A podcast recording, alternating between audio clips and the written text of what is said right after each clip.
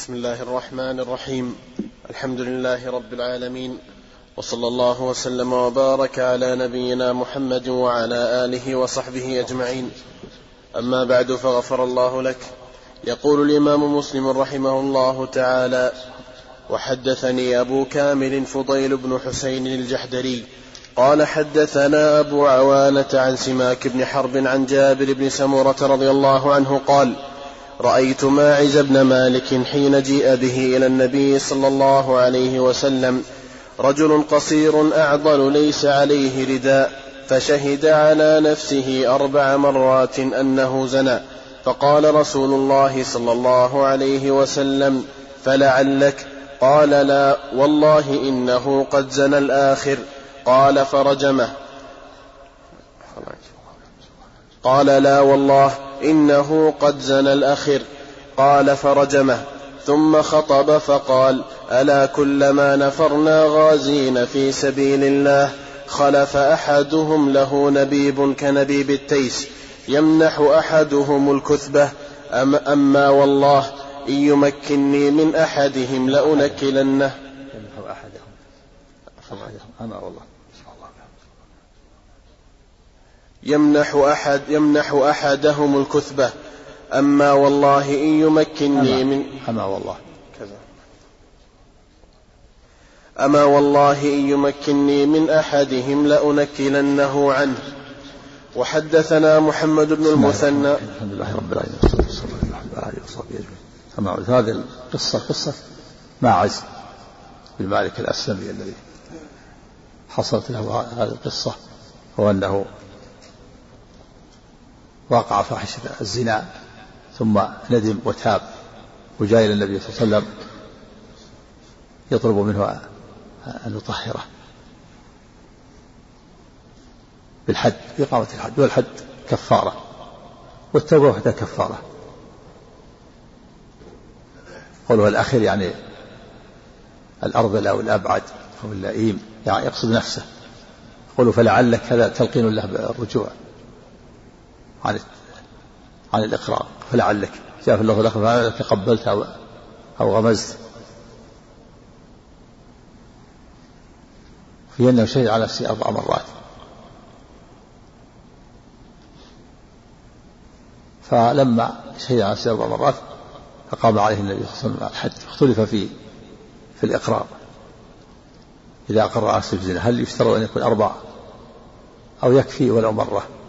فالجمهور على أنه لابد أن يقر أربع مرات لأن الشهود على الزنا أربع شهود والإقرار في الأربع بمثابة الأربع شهود. وقيل إنه يكفي مرة كما جاء في الحديث الآخر فرده مرة أو مرتين. وهذا هو الأقرب لأن الإقرار يكفي مرة لكن كونه أربع أثبت أثبت و التحقق قوله هنا له نبيب كنبيب تيس يعني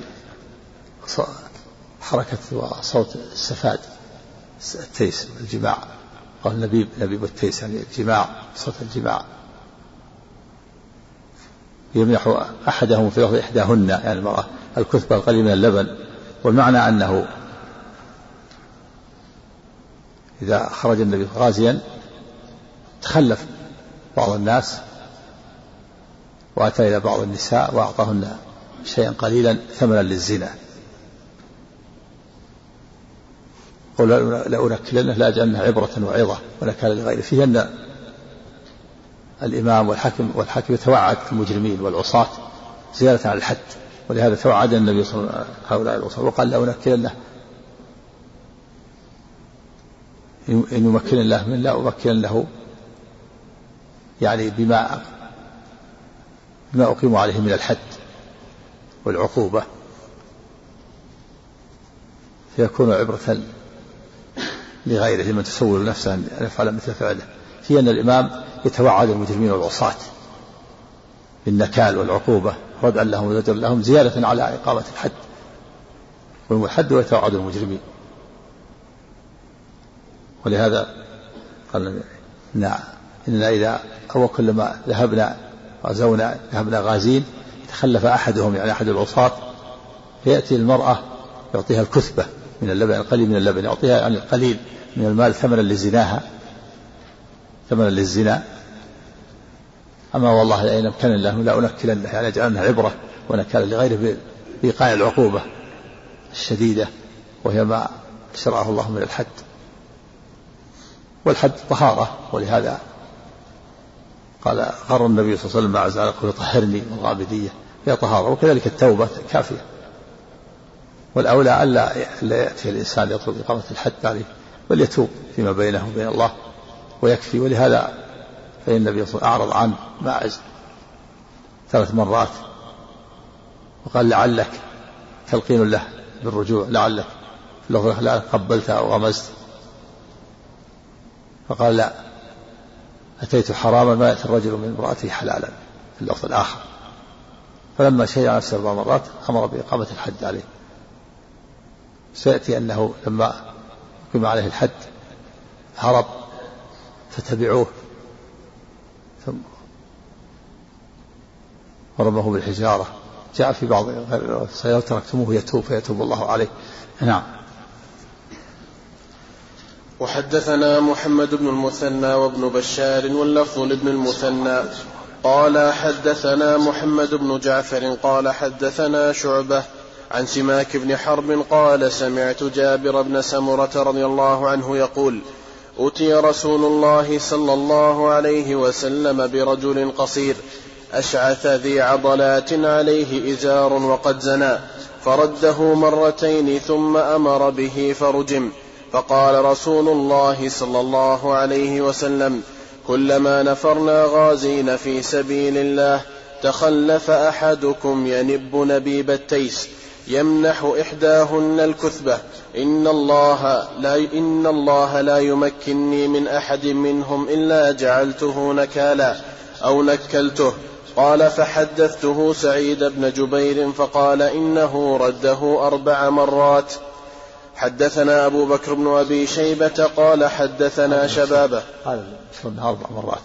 بعض الروايات رده مرة مرتين معروف أنها أربع مرات. وإلى هذا ذهب الجمهور أنه لا بد أن يقر على نفسه أربع مرات. ينب ينبون بيبا تيس يعني صوت يعني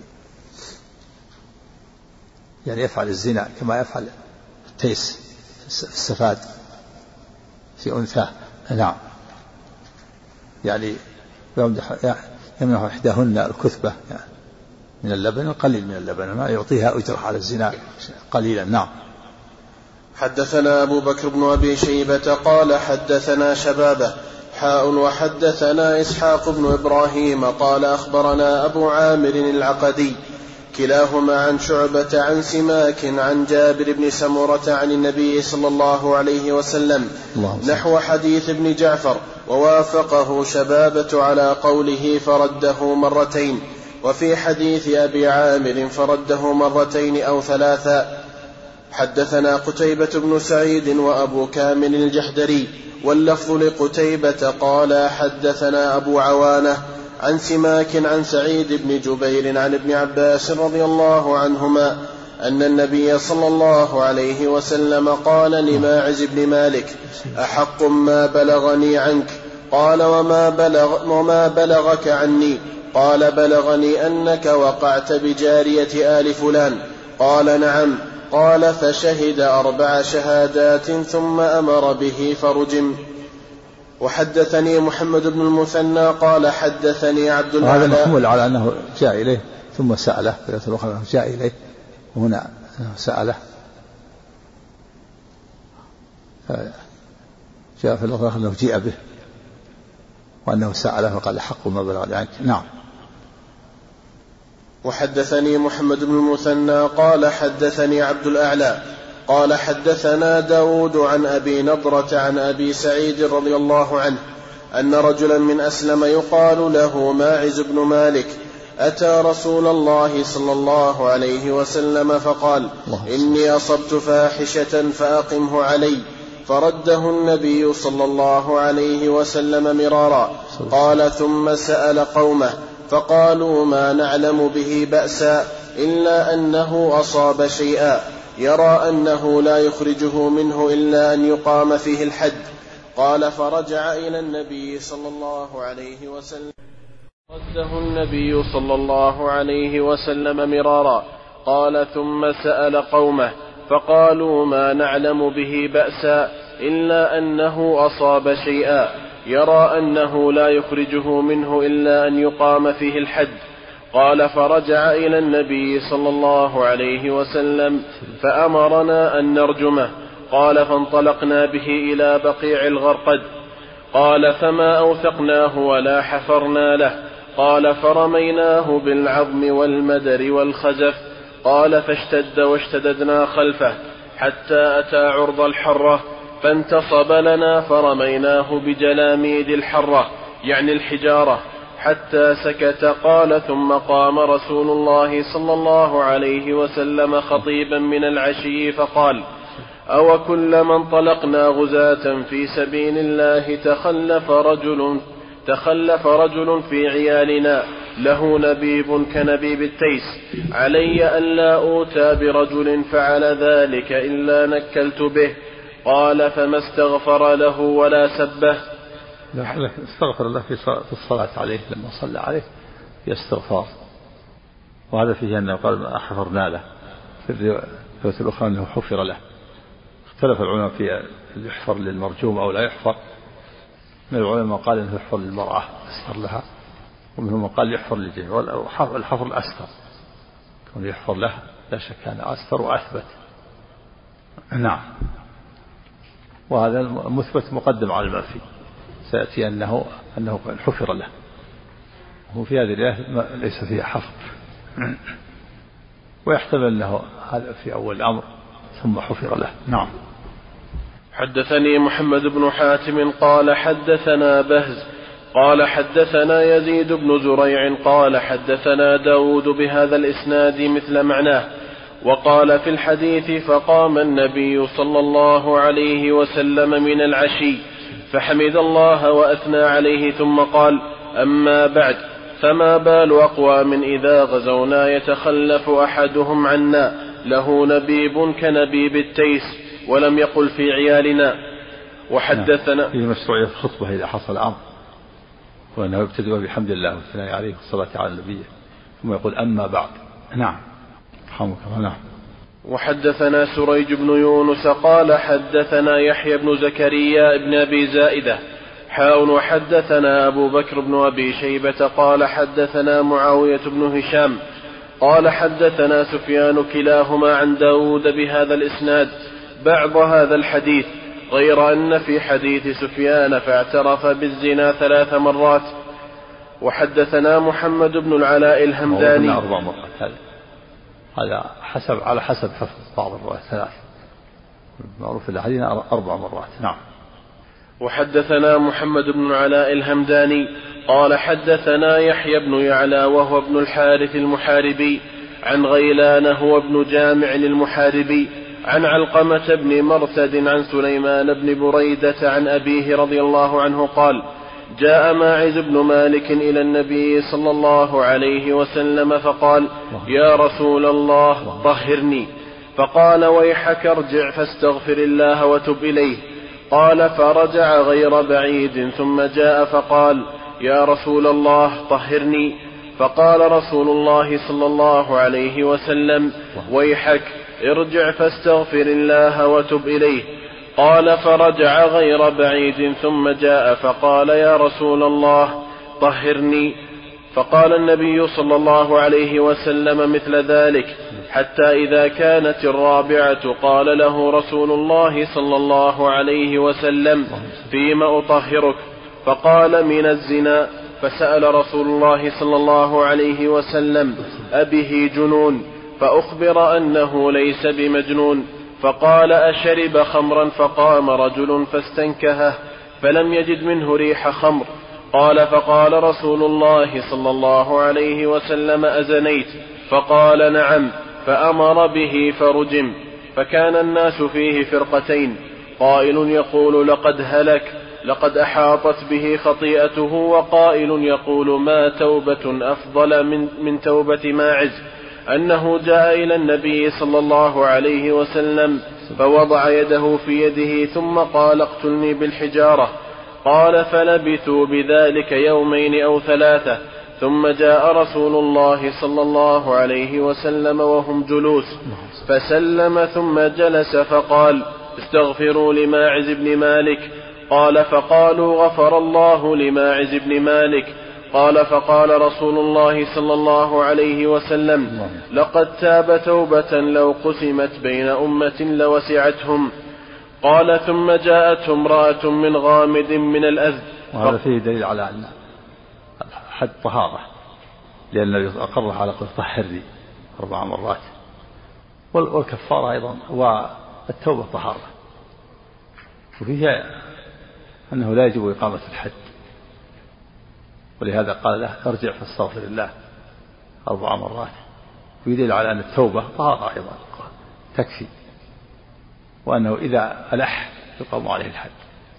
وهي أنه ينبغي للحاكم أن يعرض الجانب بعدم الإلحاح على إقامة الحد. ويعرض له بالرجوع عن الإقرار لعله يرجع. وفيه أنه ينبغي التأكد من إقامة الحد.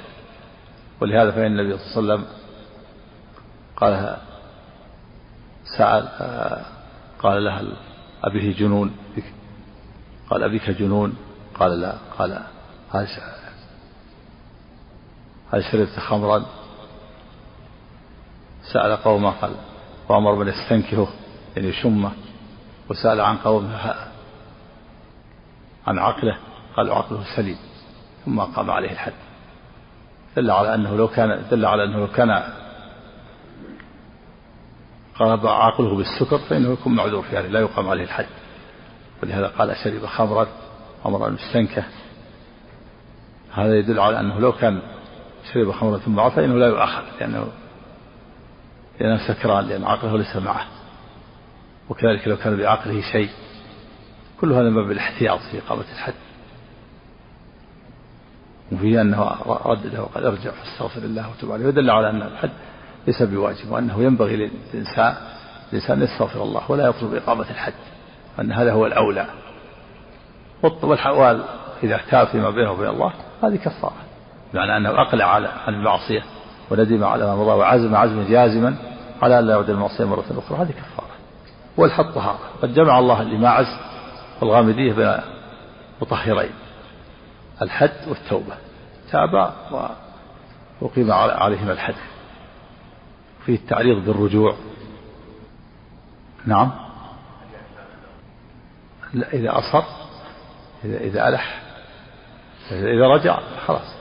يعني يعرض له بالرجوع. فإذا رجع عن الإقرار فلا يقيم عليه الحد. لكن إذا أصر فإنه قام عليه الحد. نعم. قال فقال رسول الله صلى الله عليه وسلم فيه أن النبي أمر بأن يستغفر الله. استغفروا لماعز قال غفر الله لماعز قال تاب توبة لو قسمت على أهل المدينة. سبعين من أهل المدينة وسعتهم. فيه أنه جمع الله بين التوبة وبين إقامة الحد وهما مطهران. نعم. خلاص إذا استدعى السبب انتهى. هذا إذا رجع عن الإقرار. إذا رجع عن الإقرار النبي عرض له بالرجوع. قال اذهب ارجع فاستغفر الله وتوب إليه. أما إذا أصر وقع شجع نفسه أربع يقام عليه الحد نعم. ألح معناه في إقامة الحد الأولى التوبة. التوبة الأولى أن يتوب فيما بينه وبين الله ولا يذهب يطلب إقامة الحد ولهذا قال النبي ارجع فاستغفر الله وتوب إليه. نعم. قال فقال رسول الله صلى الله عليه وسلم استغفروا استغفروا لمعز نعم. قوله قال فقال رسول الله صلى الله عليه وسلم لقد تاب توبة لو قسمت بين أمة لوسعتهم. قال ثم جاءته امرأة من غامد من الأزد فقالت يا رسول الله طهرني.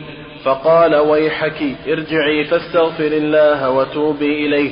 فقالت أراك, أراك تريد أن ترددني كما رددت ماعز بن مالك. قال وما ذاك؟ قالت إنها حبلى من الزنا فقال أنت؟ قالت نعم فقال لها حتى تضعي ما في بطنك. قال فكفلها رجل من الأنصار حتى وضعت. قال فأتى النبي صلى الله عليه وسلم فقال قد وضعت الغامدية. فقال إذا لا نرجمها وندع ولدها صغيرا ليس له من يرضعه. فقام رجل من الأنصار فقال إلي رضاعه إلي رضاعه يا نبي الله قال فرجمها. وحدثنا أبو بكر. الغامدية مثل ماعز جاءت اعترفت أيضا ولما قال لها ارجعي استغفر ويحك ويحك كلمة الشفاء ارجعي واستغفر الله وتوبي إليه. هذا يدل على أنه ينبغي الإنسان أن يتوب فيما بينه وبين الله. فيه تعريض الحاكم للمقر بالرجوع ولكنها ألح كما فعل ماعز. أتريد أن تردني كما رددت ماعزا؟ وفيه أن الحامل لا يقام عليه الحد لا حد الرجم ولا حد الزنا حتى تضع. لأن الحمل فيه لأن إقامة الحد يؤدي إلى الإضرار بالجنين وقتله. وفيه أنها لما حملت كذا قال من لا نقيم عليه الحد ولا تكون ولدها يضيع. فكفل الرجل بصر في الرواية الأخرى كما سيأتي أنها حتى تفطمي. فلما فطمته وجاءت بيده كسرة خبز قام عليه الحد بعد أن كفل الولد. رجل من الأنصار. نعم. وحدثنا أبو بكر بن أبي شيبة قال حدثنا عبد الله بن نمير حاء وحدثنا محمد بن عبد الله بن نمير وتقاربا في لفظ الحديث. قال حدثنا أبي قال حدثنا بشير بن المهاجر قال حدثنا عبد الله بن بريدة عن أبيه رضي الله عنه أن ماعز بن مالك الأسلمي أتى رسول الله صلى الله عليه وسلم فقال يا رسول الله إني قد ظلمت نفسي وزنيت وإني أريد أن تطهرني. فرده فلما كان من الغد أتاه فقال يا رسول الله إني قد زنيت. فرده الثانية فأرسل رسول الله صلى الله عليه وسلم إلى قومه فقال أتعلمون بعقله بأسا تنكرون منه شيئا؟ فقالوا ما نعلمه إلا وفي العقل من صالحين فيما نرى. فأتاه الثالثة فأرسل إليهم أيضا فسأل عنه فأخبروه أنه لا بأس به ولا بعقله فلما كانت الرابعة حفر له حفرة ثم أمر به فرجم. قال فجاءت الغامدية فقالت هذا في دليل على أن أن ردده أربع مرات. وهذا ما ذكر بعض الرواة أنه رده مرتين أو ثلاث هذا على حسب علمهم. والمثبت مقدم على المنفي وفيه أنه حفر له. في الرواية الأولى قال ما حفرنا له. المثبت مقدم على المنفي والحفر أثبت مرجوم. بعض الرواة أثبت أنه حفر له. في الحديث الآخر قال فما حفرنا له؟ هذا على حسب علمه. ولكن من من أثبت أنه حفر له مقدم. المثبت مقدم على في قاعدة. ويحتمل آه، جمعه أنه في في الأمر ما حفر له وأنه لما أدلقته الحجارة هرب ثم حفر له بعد ذلك. ثم انتصب لنا فرمناه بالحجارة يعني انتصب بعد أن حفر له الحفرة. يجمع بينهم بهذا أنه في الأول ما حفر له فلما أدلقته الحجارة هرب ثم أدرك فحفر له حفرة فانتصب. قال فرمناه بالجلاميد. نعم. قال فجاءت الغامدية فقالت يا رسول الله إني قد زنيت فطهرني وإنه ردها فلما كان الغد قالت يا رسول الله لم تردني لعلك أن تردني كما رددت ماعزا؟ فوالله إني لحبلى. قال إما لا فاذهبي حتى تلدي. فلما ولدت أتته بالصبي في خرقة. قالت هذا قد ولدته. قال اذهبي فأرضعيه حتى تفطميه. فلما فطمته أتته بالصبي وفي يده كسرة خبز. فقالت هذا يا نبي الله. قد فطمته وقد أكل الطعام فدفع الصبي إلى رجل من المسلمين ثم أمر بها فحفر لها إلى صدرها وأمر الناس فرجموها فيقبل خالد بن الوليد رضي الله عنه بحجر فرمى رأسها فتنضح الدم على وجه خالد فسبها فسمع نبي الله صلى الله عليه وسلم سبه إياها فقال مهلا يا خالد فوالذي نفسي بيده لقد تابت لقد تابت توبة. لو تابها صاحب مكس لغفر له ثم أمر بها فصلى عليها ودفنت. نعم وهذا فيه دليل على أنها على أن هذه المرأة مستمرة على توبتها وأن الذنب أحرق أحرقها فلم تصبر وهي حبلى حتى وضعت. ثم لما وضعت جاءت إلى النبي صلى الله عليه وسلم فأمر أن ترضعه ثم أرضعته. المعلوم أن الرضاع مدة سنتين وهي لا تزال المعصية تحرق قلبها ولم تصبر حتى جاءت. وجاءت به وبيئة كسرة خبز لتبين للنبي صلى الله عليه وسلم أنه يأكل الطعام. يا أكل الطعام الآن. ثم أمر به فرجمت في دليل على أنه يحفر للمرجوم. وخاصة المرأة. بعض العلماء قال أن هذا خاص بالمرأة الحفر المرجوم والصواب أنه عام. وفي دليل على النهي عن سب المرجوم أنه لا يسب ولهذا لما سب خالد. فقال مهلا يا خالد. لقد تابت توبة فسبها صاحب مكس فقبلت. وصاحب المكس هي ما يؤخذ على الناس بدون بدون مقابل في دليل على عظم المكوس أنها من المعاصي العظيمة وأنها فوق الزنا.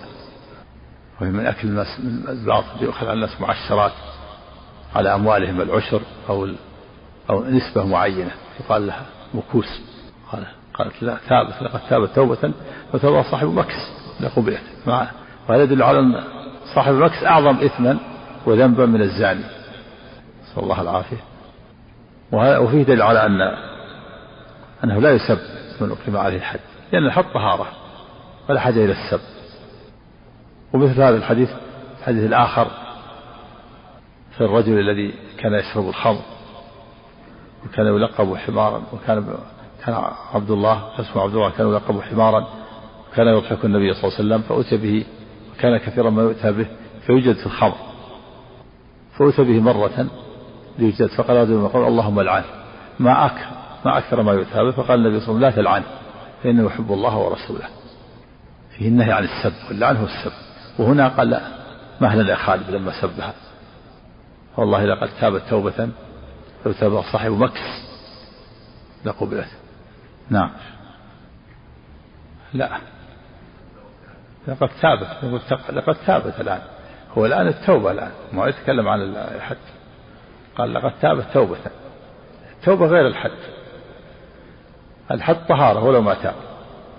قال لقد تابت ولا لقد قوم عليه الحد ها؟ لقد تاب. إذا الكلام عن التوبة ولا عن إقامة الحد خلاص. هذا دليل على أن التوبة هي هي الأصل. قد تابت توبة تابت فيما بينها وبين الله. وفي اللفظ الآخر كما سجد وهل وجدت أن وجدت أن أن جابت أن جابت بنفسها لله يعني جاءت بنفسها مختارة. كنا جاءت بنفسها مختارة هذا دليل على توبته وإذا أخذ وأقيم عليه الحد أخذ بالقوة وما جاء يتوب ثم أقيم عليه حد طهارة. أخذ بالقوة وهرب ثم أخذ وأقيم عليه حد طهارة. وإذا جاء سلم نفسه هذا دليل على التوبة أنه تائب جمع الله له بين الأمرين. جمع الله له بين المطهرين بين التوبة وإقامة الحد. نعم.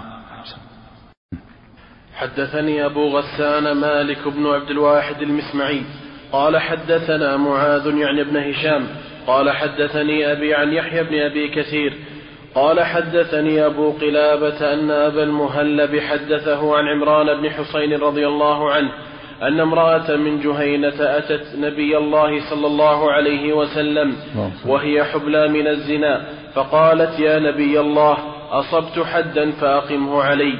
فدعا نبي الله صلى الله عليه وسلم وليها فقال أحسن إليها فإذا وضعت فأتني بها.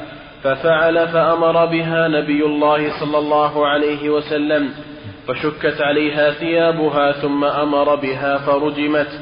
ثم صلى عليها فقال له عمر تصلي عليها يا نبي الله وقد زنت. فقال لقد تابت توبة لو قسمت بين سبعين من أهل المدينة لوسعتهم. وهل, وهل وجدت توبة أفضل من أن جادت بنفسها لله تعالى؟ وهل وجدت توبة كذا؟ نعم. نعم. وهل وجدت توبة أفضل من أن جادت بنفسها لله تعالى؟ نعم. وقولوا هل وجدت ويحتمل أنه هل وجدت هي توبة. وفيه أن المرجوم يصلى عليه. قد تصلي عليها. قال بعض العلماء لا يصلى عليه. والصواب أنه يصلى عليه. قال بعضهم أنه يصلي عليه أعيان الناس ولا يصلي عليه الإمام لكن الحديث صريح أن النبي صلى عليه. صلى عليها. فيها أنها تابت توبة لو قسمت على سبعين من المدينة إلى وسعته لقد تاب لقد تابت توبة فقال لقد تابت توبة لو قسمت بين سبعين من أهل المدينة لوسعتهم. الله أكبر. نعم. نعم. كلها توبة تاب تاب الله عليه. الرجل أو امرأة نعم. ما يقال. نعم. على حسب التوبة. نعم. وحدثناه أبو بكر بن أبي شيبة قال حدثنا عفان بن مسلم قال حدثنا أبان العطار قال حدثنا يحيى بن أبي كثير بهذا الإسناد مثله. حدثنا قتيبة بن سعيد قال حدثنا ليث حاء وحدثناه محمد بن رمح قال أخبرنا الليث عن ابن شهاب عن عبيد الله بن عبد الله بن عتبة بن مسعود عن أبي هريرة رضي الله عنه وزيد بن خالد الجهني أنهما قالا إن رجلا من الأعراب أتى رسول الله صلى الله عليه وسلم فقال يا رسول الله أنشدك الله إلا قضيت لي بكتاب الله. يعني أسألك الله من النشاد ورفع الصوت بالسؤال. نعم. فقال يا رسول الله أنشدك الله إلا قضيت لي بكتاب الله. فقال الخصم الآخر وهو أفقه منه نعم فاقض بيننا بكتاب الله وأذن لي. فقال رسول الله صلى الله عليه وسلم قل. يعني بكتاب الله بحكم الله وشرعه ودينه. كتاب الله يشمل يعني الكتاب والسنة. بكتاب الله بحكم الله وشرعه ودينه نعم. فقال رسول الله صلى الله عليه وسلم قل قال إن ابني كان عسيفا على هذا فزنى بامرأته وإني أخبرت أن على ابن الرجم فافتديت منه بمئة شاة ووليدة فسألت أهل العلم فأخبروني أن ما على ابنك جلد مئة وتغريب عام. وأن على امرأة هذا الرجم فقال رسول الله صلى الله عليه وسلم والذي نفسي بيده لأقضين بينكما بكتاب الله الوليدة والغنم رد وعلى ابنك جلد مئة وتغريب عام واغد يا أنيس على امرأة هذا فإن اعترفت فارجمها. قال فغدا عليها فاعترفت فأمر بها رسول الله صلى الله عليه وسلم فرجمت. هذا العسيف هو الأجير. ويدل على أنه ينبغي الحذر من الأجراء والخدم وسائق السيارات. فإن هذا الرجل كان عسيف أجير عند هذا الرجل وصار من كثرة المماسة والمداخلة والاحتكاك والإهمال زنى بامرأته. وهذا مثل مثل ما يحصل عليه في البيوت الآن من الخدم. وقائد السيارات والأجراء كثرة الدخول والخروج والترداد والتكرار وإذا كثر الإمساس قل الإحساس. ينبغي الاحتياط بمثل هذا وعدم السماح للأجراء وقائد السيارة الدخول على النساء في البيوت يكون لهم مكان خاص وعدم التساهل. فهذا الرجل تساهل استاجر هذا الأجير الشاب وجعلها في بيته عند امرأته. فزنى بامرأته بسبب الإهمال والمماسة وعلى كثرة الدخول والخروج. ولهذا قال كان عسيفا على هذا يعني أجر عنده فزنى بامرأته وفيه الرجوع إلى أهل العلم قال فسألت أهل العلم. هذا هذان الرجلان والد العسيف وزوج المرأة. قيل لهم إن لما حصل الزنا افتدى. والد العسيف لزوج المرأة بمئة شاة ووليدة عبده. يقول فسألت أهل العلم فأخبروا لي أن إنما على ابني جلد مئة وتغريب عام وأن على امرأة هذا الرجل فقال النبي صلى الله عليه وسلم الذي نفسي لا إلا بينكم وبكتاب الله. الوليدة والغنم رد عليك ترد على أصل ما لها لزوم الوليدة والغنم. وعلى ابنك جلد مئة وتغريب عام. في دليل على أن الزاني البكر يجلد مئة ويغرب عام قال الله تعالى في كتابه العظيم الزانية والزاني فجلدوا كل واحد منهم مئة جلدة. وجاءت السنة في تغريب تغريب عام يسفر عن البلد التي وقع فيها الفحش عام.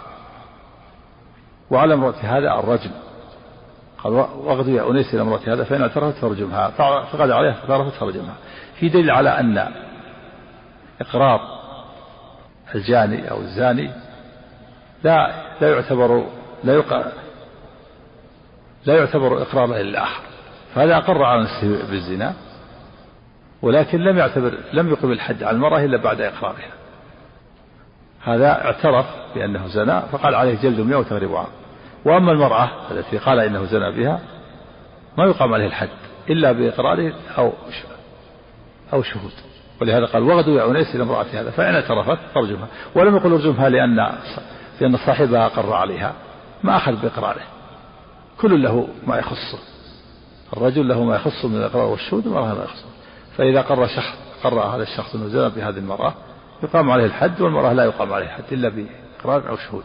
ولهذا قال اوضوا يا أنيس إلى امرأة هذا فإن اعترفت فرجمها فغدا عليها فترفت فرجمها. نعم. وفيه الوكالة في قضاء الحدود. وكل النبي أنس لا بأس يوكل الإمام في إقامة الحدود. وقوله أصبت حدا. فأقمه عليه في الحديث السابق. هنا سمى الحد المعاصي. هذا كما سبق الحدود تطلق على المعاصي والمنهيات. قول تلك حدود الله فلا تقربوها. وتطلق الحدود على الواجبات. نقول تلك حدود الله فلا تعتدوها لا تتجاوزوها. تطلق الحدود على التعازير تعزيرات. عفو الحدود ثمانين. نعم. وحدثني أبو الطاهر وحرملة. قال أخبرنا ابن وهب قال أخبرني يونس. حاء وحدثني عمرو الناقد. قال حدثنا يعقوب بن إبراهيم بن سعد. قال حدثنا أبي عن صالح حاء وحدثنا عبد بن حميد. قال أخبرنا عبد الرزاق عن معمر كلهم عن الزهري بهذا الإسناد نحوه. حدثني الحكم بن موسى أبو صالح قال حدثنا شعيب بن إسحاق. قال أخبرنا عبيد الله عن نافع. أن عبد الله بن عمر أخبره أن رسول الله صلى الله عليه وسلم أتي بيهودي ويهودية. قف على حديث ابن نعم. نعم هو الأقرب وخصوصا حد الزنا. جاء هذا في حد الزنا. لكن التأكد التأكد لا بد منه التأكد من إقامة الحدود لكن هذا التعريض إنما هو في في حد الزنا. نعم. هذا هو الأقرب إنما هذا الشهيد هو الذي لا يغسل ولا يصلى عليه. نعم.